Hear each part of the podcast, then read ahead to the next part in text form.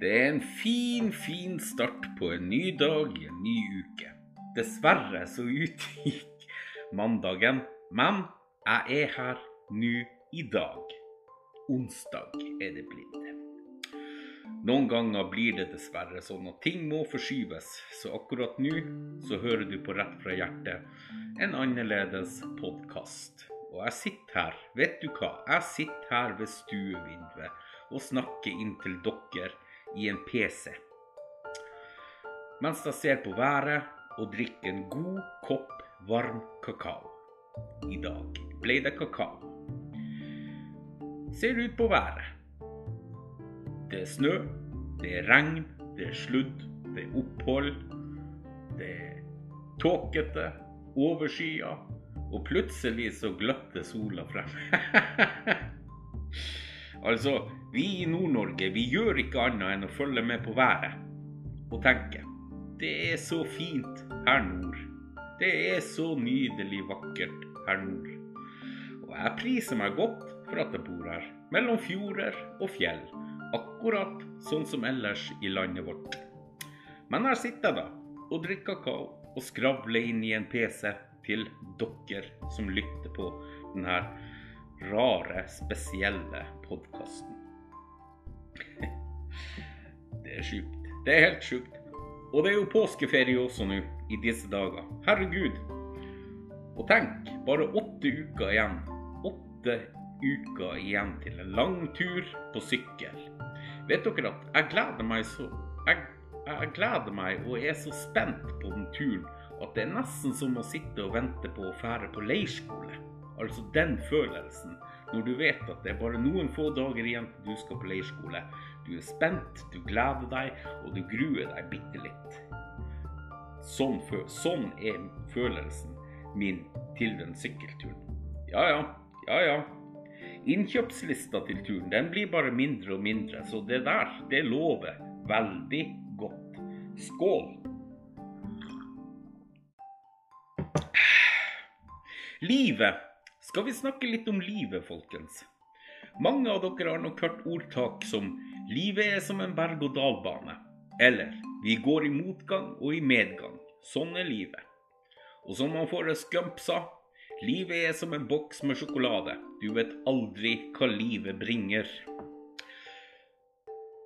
Er det noe i disse ordtakene, eller er det bare tull? Vel, så klart er det noe i de ordtakene. For de beskriver jo livet akkurat sånn som vi opplever det. I en berg-og-dal-bane. Livet går opp, livet går ned. På godt og ondt. Og det ser vi masse av på sosiale medier. Spesielt blant unge. Jeg bruker alltid det trappetrinnmetoden. Altså, er du i kjelleren, så kommer du deg ikke lenger i kjelleren, med mindre at du ikke har en spade og begynner å grave. Så det er kun én vei, det er oppover. Oppover trappa til du når toppen. Men det blir sjelden brukt, for de fleste som er i kjelleren, gjør veldig lite sjøl for å nå toppen. Og det syns jeg er veldig synd. Men da spør jeg meg sjøl hvorfor? Hvorfor ikke bare litt forsøke å nå det øverste trappetrinnet i livet ditt? Når du sliter og har det skikkelig vondt, hvorfor ikke da forsøke å få det bedre med deg sjøl? Unge som sliter og bare vil dø, de vil ha hjelp, men de tør ikke forsøke få det bedre, i frykt for å ikke bli hørt eller trudd på.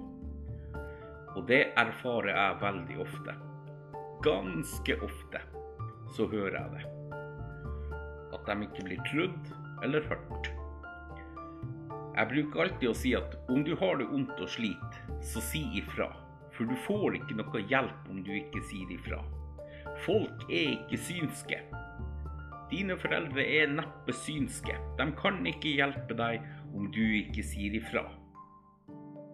Og fortell dem hva som er så vondt, og hvorfor du har lyst til å dø. Men unge i dag opplever det at de blir ikke hørt eller trodd. Er det sant? Mange foreldre de vet ikke hva barna deres sliter med, og hvor vondt de egentlig har det. Fordi barn de er veldig flinke til å smile og late som ingenting. Klart, da kan ikke hun mamma eller han pappa hjelpe deg. Men barn, de later fortsatt fordi de er redd for å ikke bli trudd eller hørt. Og mange foreldre sier at ja ja, men det der, det går over. Det er ikke noe å bry seg om, osv., osv. Men foreldre, hallo. Ditt barn sliter og har det vondt. Ditt barn sitter på soverommet sitt og skader seg sjøl og går rundt med selvmordstanker. Klart det ikke går over av seg sjøl. Det gjør ikke det. Og klart, det er veldig mye å bry seg om. Du skal hjelpe, snakke og lytte til ditt barn. Du skal sørge for at akkurat ditt barn får den hjelpa hun trenger, og ikke skuff sånne ting i en skuff.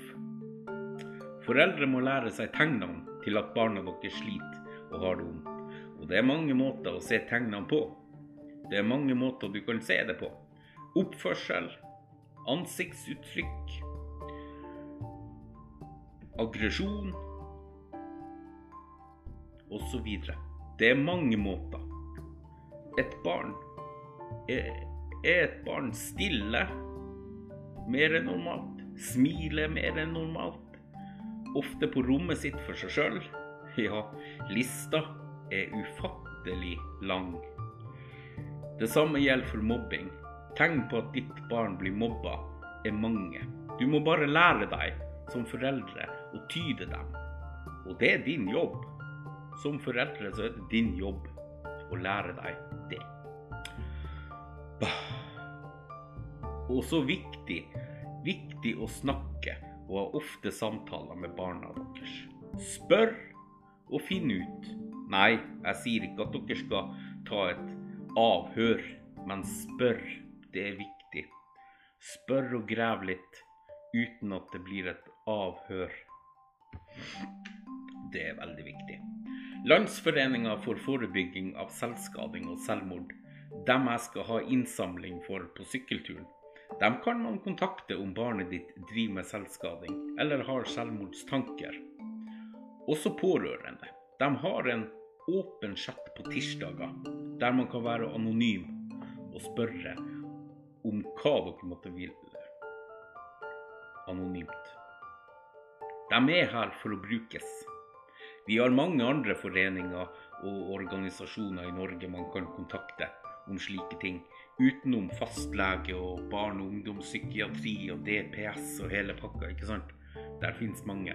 Så jeg håper dere unge lyttere der ute sier ifra til noen om dere sliter og har det vondt innvendig. Vondt for det er veldig viktig. Spiller ingen rolle hva det måtte være. Mobbing eh, Vet ikke. Dårlige venner, dumme venner som ikke vil være med deg, eller noe sånt. Det er kjempevondt. Si ifra til noen om det, så kanskje du kan få den hjelpa du vil ha. Men du må si ifra, og du må fortelle hvorfor du har vondt og vil dø, osv., osv. Det er viktig jeg får ikke sagt det nok. Jeg får ikke sagt det nok. Det er så viktig å si ifra. For du får ikke hjelp om du ikke sier ifra. Da er det vanskelig å hjelpe deg også. Ja, ha-ha! Ja, men da så. sånn er det med den saken. Nå skal jeg ta påskeferie. Så jeg er vel tilbake igjen en uke etter påsken, sånn cirka. Hvis jeg ikke igjen da klarer å glemme å legge ut en episode da, det vet man jo aldri. Glemsk. Det er ordet. Glemsk. Men jeg er unnskyldt. Jeg er unnskyldt fordi jeg er gammel. Ja, jeg er det. 44 år. Det er gammelt. Snart moden for museum. Der blir jeg stilt ut som en gjenstand. Så enkelt er det. Folkens, jeg vil til slutt nå bare få ønske dere en riktig god påske. Ta vare på dere sjøl og deres nære og kjære, så lyttes vi. Folkens, god påsk, folk. Hepp hei.